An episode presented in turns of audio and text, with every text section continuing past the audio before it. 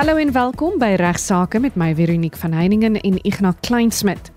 Ons kry gereeld briewe van luisteraars wat laat weet dat hulle Ignas se staaltjie so baie geniet. En hy deel graag vandag een uit een Wessel se boek Genade Edellagbare. Hy bespreek ook 'n saak oor mediese nalatigheid en later 'n vraag oor hoe 'n familielid 'n ander familielid se verband wil aflos op voorwaarde dat hy dan as mede-eienaar geregistreer word en hoe dit dan sal werk. Dit raak so 'n bietjie ingewikkeld, ek verstaan dit, maar dit gaan egter slegs die eienaar effektief help as u rentekoers op u verband wat u verleen laer is as die van die bank. In die tweede deel van die program praat ons met 'n regskenner wat dan 'n onderwerp met betrekking tot jou regte as burgerlike bespreek en ons verwelkom vandag vir Sanet Viljoen van SV Legal in Pretoria. Sy praat oor wat jou te doen staan indien jy gearresteer word. Die polisiebeampte is ook verplig om jou regte te respekteer. Jy gaan vir hoogstens 48 uur in die polisiesel aangehou word. Ons skop die program nou af met Igna en 'n staaltjie uit een wessel se boek Genade Edellagbare.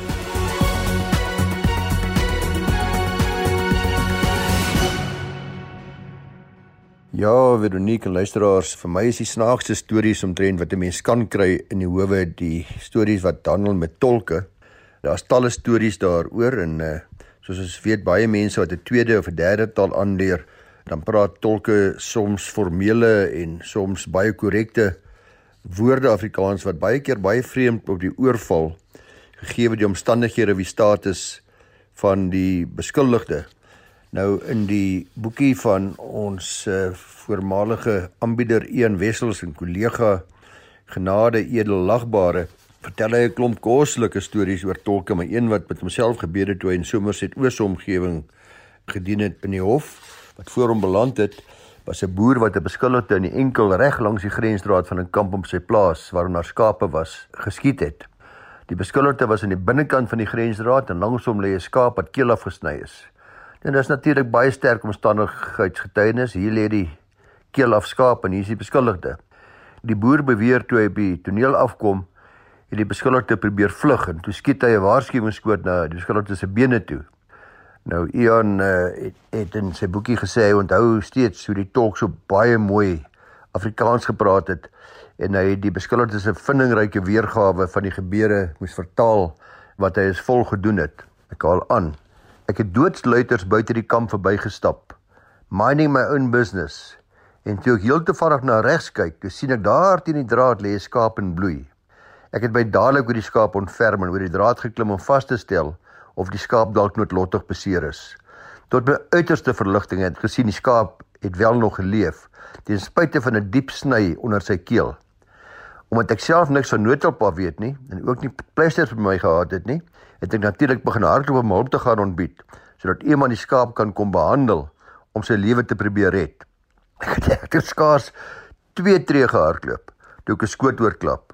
Tot my skok en ongeloof merk ek toe op dat die koel tref my. Toe die boer by my kom het ek vir hom gesê, "Dit is so goed uitgekom want ek soek hom juis." Nou ja, wat 'n verweer. Ignas bespreek eerstens die kwessie van mediese nalatigheid na aanleiding van 'n brief wat hy ontvang het. Die luisteraar vertel oor 'n voorval met 'n tandarts waar hy 'n kroon moes laat vervang en dan het die luisteraar boonop 'n paar algemene vrae in verband met mediese nalatigheid.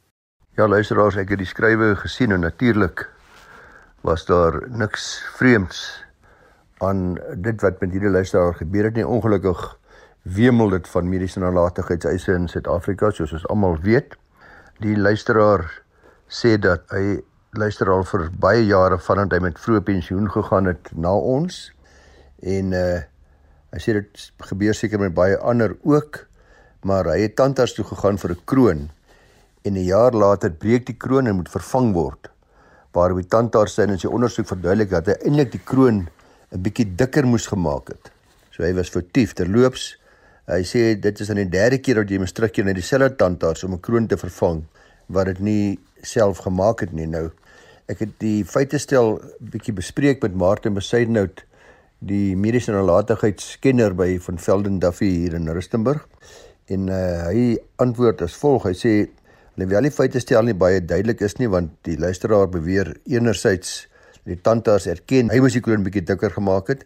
Anders sê sy's lyk dit of iemand anders enetjie kroon gemaak het, maar indien ons egter aanvaar die tandarts self die kroon gemaak het wat 'n jaar later gebreek het omdat dit volgens sy eie erkenning nie dik genoeg was nie, dan is Martin van mening dat die tandarts wel aanspreeklik gehou kan word algesien hy volgens sy eie erkenning nalatig was. Hy sal dan die kroon op sy eie kostes moet vervang. Dis natuurlik maar so gevolge die gewone dokter-pasiënt verhouding. Ons sluit dieselfde met prokureur en kliënt verhoudings gebaseer op 'n stilswyne ooreenkoms wat ontstaan het toe die professionele persoon begin het met sy diens in hierdie geval die tandarts met sy behandeling. Die geïmpliseerde terme van ooreenkoms tussen 'n professionele persoon en sy kliënt of dan pasiënt is dat die tandarts redelike sorg en vaardigheid dit wat van 'n tandarts verwag kan word aan die dag sal lê met sy diens in hierdie geval die maak van die kroon. Die ooreenkoms is gefundeer in gevolg die kontrakte reg of delik of beide. Die tandarts sal ook aanspreeklik gehou kan word in gevolg die verbruikerswetgewing. Indien dit ortodontus egter die kroon in hierdie geval vir die tandarts gemaak het, dan bly die tandarts steeds aanspreeklik teenoor die pasiënt en opset vir 'n nuwe kroon, aangesien hy sy kostes of verliese maar moet verhaal dan van die ortodontus. Dan is daar 'n volgende vraag wat hierdie luisteraar gevra het. Hy vertel as jy nou opgeneem word in 'n hospitaal en 'n operasie jy sal na 4 dae uitwees, wat eintlik gebeur daar allerlei dinge met jou komplikasies, daar siektes wat jy optel, jy lê 30 dae in die hospitaal. Nou daar's twee scenario's wat hier van toepassing kan wees. Sê Martin, hy sê indien 'n pasiënt 'n opname vorm geteken het. Dis eintlik maar 'n 99,9 van die gevalle so by die hospitaal waar die hospitaal se nalatigheid uitgesluit word in gevolge uitsluitingsklausule.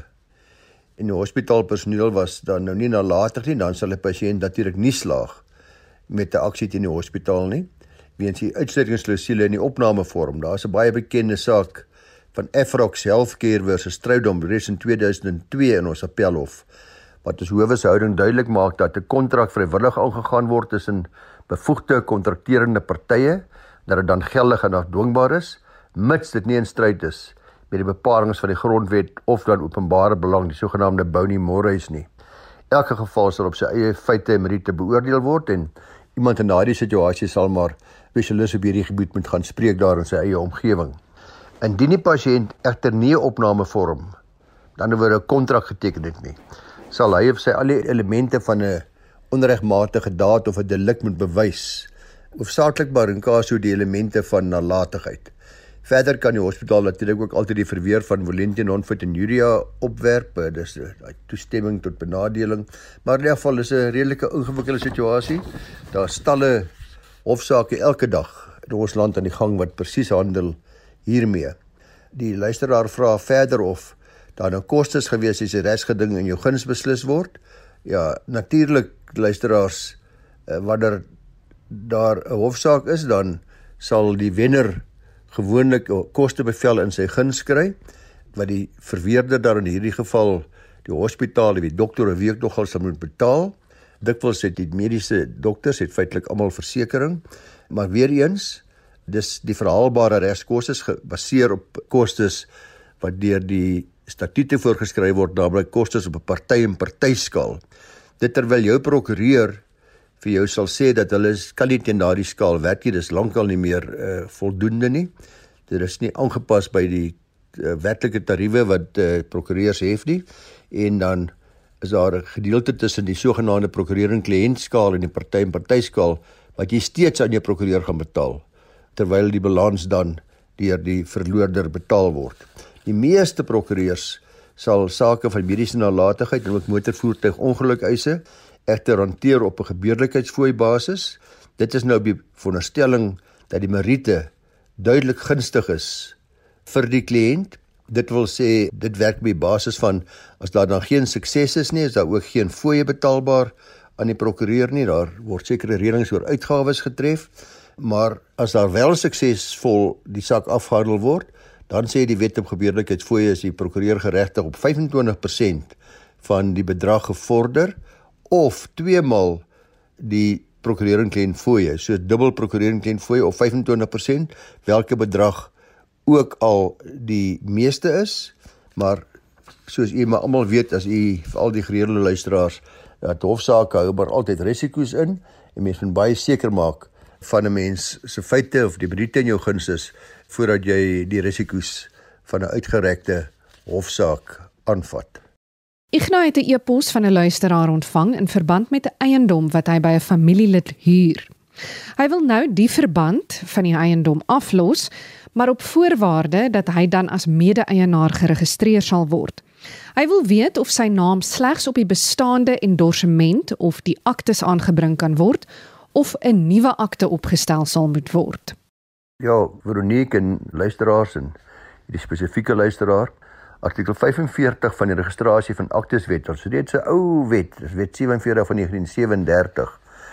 Daardie wet reël nog steeds transport op oordrag deur aantekening en die wet stel dit duidelik, dis nou endorsement dat dit slegs gaan oor eiendom wat geregistreer is op die naam van 'n gesamentlike boedel of die naam van beide eggenote wat getroud is binne gemeenskap van goed of die langslewende van twee eggenote wat binne gemeenskap van goed getroud is. Daar's 'n verder nog 'n artikel 45 bis wat voorsiening maak vir aantekeninge of dan endossemente van aktes by egskeiding en by verdeling van 'n gemeenskaplike boedel of verandering van 'n huweliksgoedere bedeling.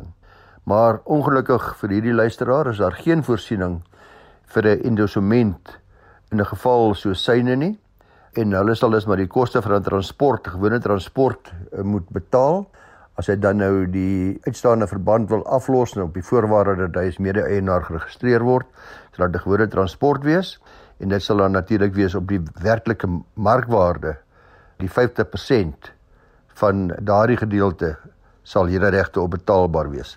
Dis dis dood eenvoudig. U los in werklikheid die verband af. U koop 'n halwe aandeel in die eiendom. Gelyktydig met hierdie transport word die verband gekanselleer. Daar is ook ander moontlikhede wat ek net vir u vinnig wil noem. Die ander moontlikheid is om byvoorbeeld die deel aan hom te leen teen registrasie van die eerste verband. Ander woorde, u kry dan, u koop die hele eiendom en uh dis u vervang slegs die bestaande bank as verbandhouer. Paaiemente is nou aan u betaalbaar en dit kan moontlik teen u huurgeld in skuldvergelyking gebring word. Dit gaan dit raak so 'n bietjie ingewikkeld, ek verstaan dit, maar dit gaan egter slegs die eienaar effektief help as u rentekoers op u verband wat u verleen laer is as die van die bank of as jy byvoorbeeld uitstel gee vir sekere paaiemente wat betaal moet word. So maar kort antwoord is nee, jy kan nie dit oordrag gee bloot deur wyse van indesument nie. Daar's 'n ongelukkige nuwe akte opgestel moet word met al die gepaardgaande kostes. Op hierdie noot eh Veronique, uh, gee ek dan die bal aan vir jou om die res van die program af te sluit uh, met jou spesialis gas. Groete vanaf uh, my kant aan al die luisteraars. Dankie soos altyd aan jou Ignas vir jou insette in vandag se program. Ons praat nou met Sanet Viljoen. Sy het LLB reg gestudeer by die NWU en sy praktiseer nou vir 10 jaar waarvan sy sedert 2019 haar eie praktyk SV Legal het. Sy praat vandag oor jou regte indien jy in hegtenis geneem sou word. Sanet, wat is die werklike doel van arrestasie?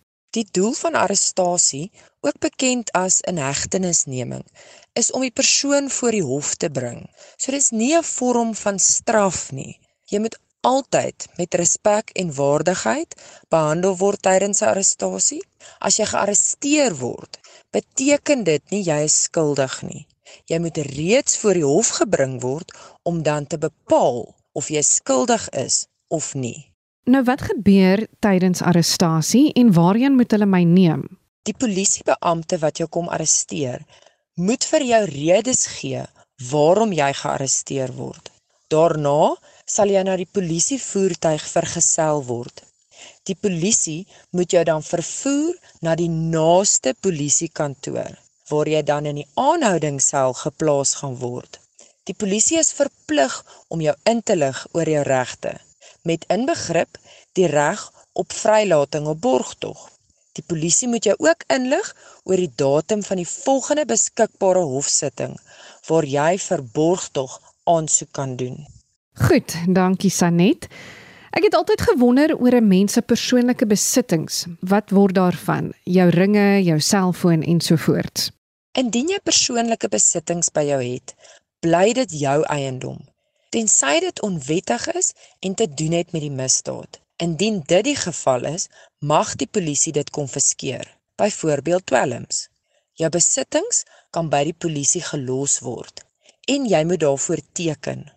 Of jy kan 'n persoon wat jy vertrou versoek om jou besittings te kom haal, maar hierdie persoon moet hom of haar identifiseer aan die polisie en ook daarvoor teken by die polisie.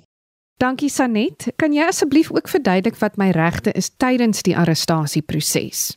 Elke persoon het regte as hy of sy gearresteer word.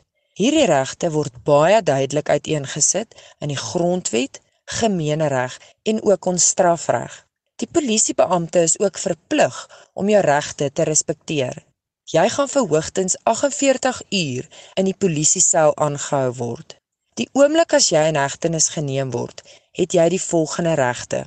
Jou prokureur het die reg om met jou te konsulteer terwyl jy in aanhouding is, om sodoende voor te berei vir die aansoek om borgtog. Die polisiebeampte moet jou toelaat om jou prokureur te skakel en met hom te praat. Jy het ook die reg om te swyg, behalwe dat jy jou naam en adres aan die polisie moet verskaf. Jy het die reg om deur 'n dokter ondersoek te word.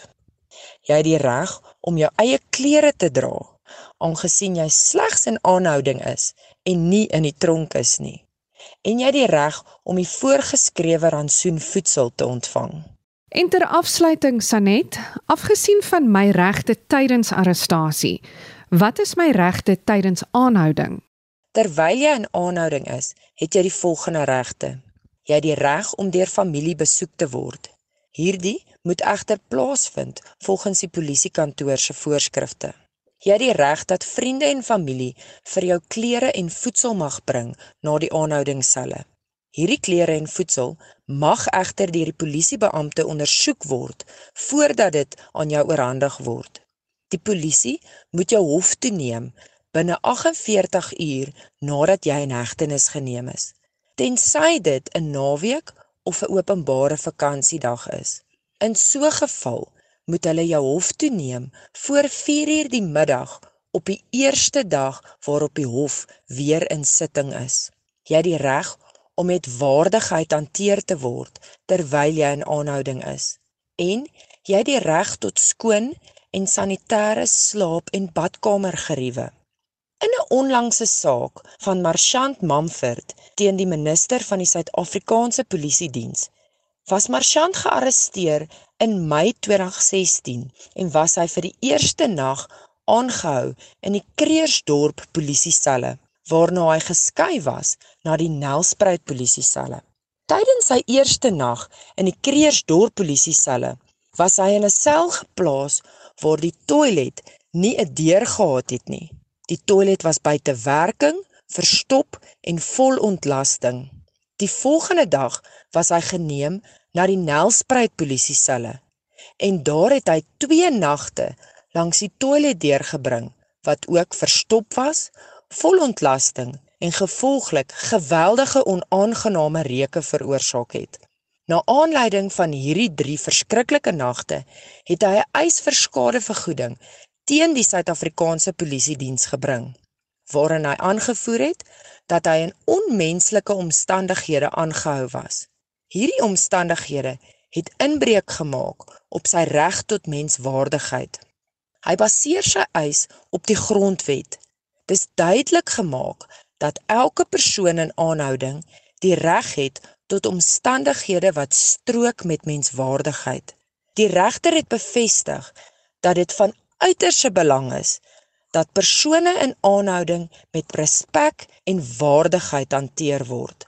Hy het verder genoem dat die verpligting op die polisie rus om te verseker dat alle selle en toilette skoon is en in 'n higiëniese toestand is en sodoende 'n menswaardige situasie skep vir die persone in aanhouding. Mamford was suksesvol in sy skadevergoeding eis en die regter het beveel dat vir hierdie 3 nagte die Suid-Afrikaanse Polisie Diens 'n bedrag van R120 000 aan Mamford moet betaal plus al sy regskoste.